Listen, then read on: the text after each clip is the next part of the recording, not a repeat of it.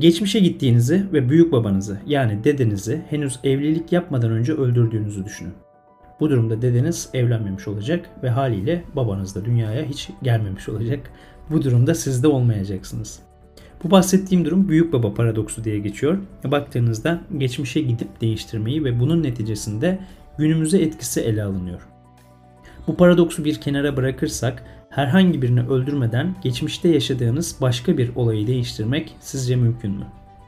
Bu soruyu kime sorarsak soralım doğrudan hayır tabii ki de mümkün değil cevabı alacağımızı düşünüyorum. Bir zaman makinesi icat edilmediği müddetçe de bu cevabın değişeceği pek mümkün olmayacak gibi gözüküyor. O halde geçmişi değiştirmek kavramı filmlerde karşımıza çıkan bir klişe mi yoksa mümkün mü? Gelin birlikte bakalım. Peki geleceği değiştirebilir miyiz diye sorsam cevabınız ne olurdu? Birçok insan geçmişin değiştirilemeyeceğini fakat geleceğin değiştirilebileceğini savunuyor. Şu an yaptığımız her şey geleceğimizi hazırlıyor bir bakıma. Fakat geçmişte yaşadığımız şeyler de şu an yaşadığımız şeylere sebep oldu. Kafanızı fazla yakmadan asıl konuya gelecek olursam. Geçmişte yaşadığınız bir acı tecrübeyi hatırlayın. Duyguların en yoğun olduğu ilk ayrılık acısı olsun örneğin. Birine deli divane aşık olmuşsunuz. Gece uyurken onunla uyuyorsunuz. Sabah kalktığınız ilk anda o aklınıza geliyor. Dünya onun çevresinde dönüyor. Dünyaya geliş amacınız sanki o kişi derken ayrılıyorsunuz. Bu sefer dünya çekilmez bir yer haline geliyor. Sanki kıyamet kopmuşçasına keyif almadığınız günler geçiriyorsunuz. Hatta depresyona giriyorsunuz. Bazıları bu durumu aşamayıp intihar etmeye kadar gidebiliyor. Şimdi bu anlattığım tecrübelere yakın tecrübeler yaşayanlar varsa o günlerde yaşadıkları şeyleri bugün hatırladıklarında aynı acıyla yaşamazlar. O gün inanılmaz üzgün hissettiren ilk ayrılık acısı bugün hatırladığınızda belki de gülerek hatırladığınız bir durum haline gelmiştir.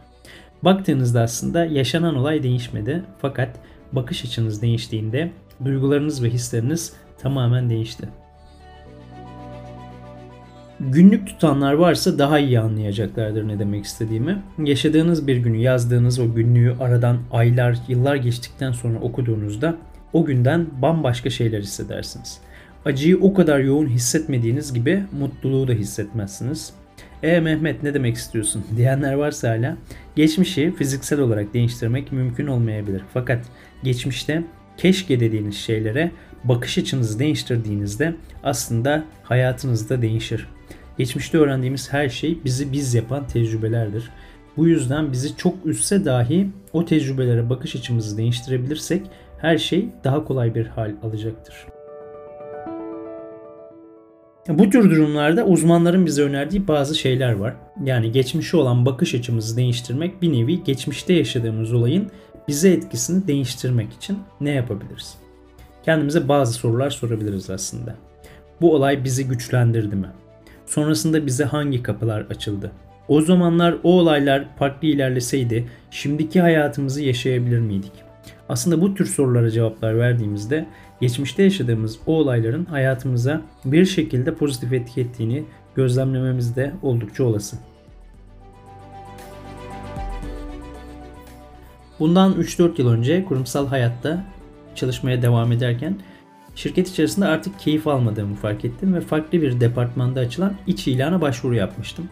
Şirkette neredeyse herkes o departmana geçmeme kesin gözüyle bakıyordu. Ben de o kadar inanmıştım ki kariyer hedefimi o departman doğrultusunda hayal etmeye başlamıştım. Başvuru süreci yaklaşık 2 ay sürdü. 2 ayın sonunda departmana kimin alındığı açıklandı. Başımdan aşağıya kaynar sular döküldü. Hayallerim gerçekleşmemişti. Beklentilerim karşılık bulmamıştı. Departmana alınmamıştım. O gün tüm gece uyuyamadım. Ertesi gün işe gitmekte zorlandım. Hayatımda yaşadığım en kötü günlerden bir tanesiydi. Ama şu an bunu gülerek anlatıyorum. O güne, o gün yaşadığım Mehmet olarak bakmaya devam edersem sadece üzülürüm. Az önce size sorduğum soruları kendime sorduğumda o güne dair bakış açımı değiştirdiğimde en çok üzüldüğüm anlardan biri olan o durumun aslında hayatımı değiştiren bir durum olduğunu fark ettim. Çocukluğumdan beri girişimcilik tutkusuyla yanıp tutuşan biriydim. Kurumsal hayat içerisinde kalmamam gerektiğini bana hatırlatan bir olay olmuştu aslında o. Şimdi dönüp baktığımda girişimcilik yolculuğumda en önemli dönüm noktalarımdan birisi olan bir olay o ve ben o kötü hikayeyi hayatımın bir parçası olarak görüyorum.